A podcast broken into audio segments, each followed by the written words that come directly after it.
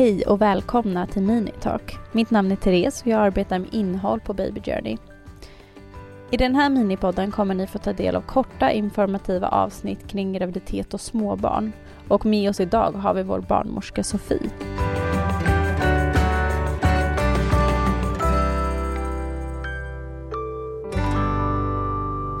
I dagens avsnitt ska vi prata om graviditetens trimestrar.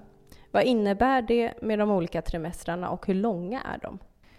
Varje trimester är ungefär tre månader lång. Det skiljer sig lite om man kollar på olika var man söker sin information, vilka veckor som involveras i vilken trimester. Men det är en slags uppdelning av graviditeten. Okej. En graviditet delas ju in i tre delar och i dagens avsnitt ska vi prata om de olika trimestrarna. Vad innebär det att befinna sig i de olika trimestrarna och hur långa är de? Varje trimester är ungefär tre månader. Lite beroende på vad man läser så är det olika veckoindelningar. Man är inte helt överens om vilka veckor som involveras i vilken trimester. Men det är ungefär att de är tre månader långa, alla tre. Okej, och vad kan man vänta sig om man befinner sig i första trimestern? I den första trimestern är det ofta då man upptäcker att man är gravid. Man kan få symptom som illamående, spända bröst och trötthet är vanligt. Och det är ofta då man skriver in sig på mödravården. Och under den första trimestern så utvecklas anlagen för alla organ hos fostret.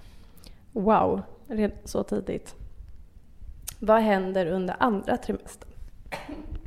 Under den andra trimestern blir fostrets organ och organsystem färdigutvecklade. Under den här perioden sker flera besök hos barnmorskan Eh, de flesta gravida väljer även att göra något som kallas kubbtest, vilket är ett blodprov och ett ultraljud som kan visa vanliga kromosomavvikelser hos barnet. Det är då en, man får en sannolikhet, men det, detta är dock frivilligt så det behöver man inte göra. Under slutet av den här trimestern blir du även eh, erbjuden att göra ett så kallat rutinultraljud kring vecka 18. Och då kan det även vara möjligt att se kön om så önskas. Tack så mycket. Och vad händer då under andra trimestern? Under den andra trimestern blir fostrets organ och organsystem färdigutvecklade. Hur mår man generellt som gravid i trimester två? Som gravid brukar man må lite bättre under den här perioden. Illamående till exempel brukar lägga sig. Gud vad skönt. Jätteskönt.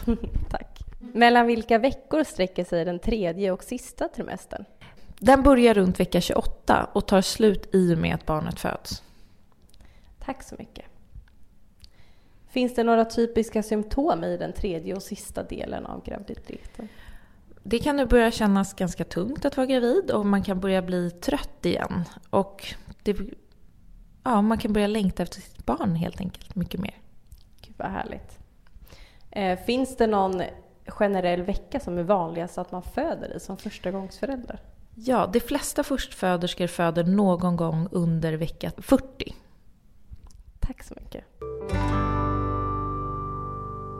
Tack för att du har valt att lyssna på Minitalk med oss.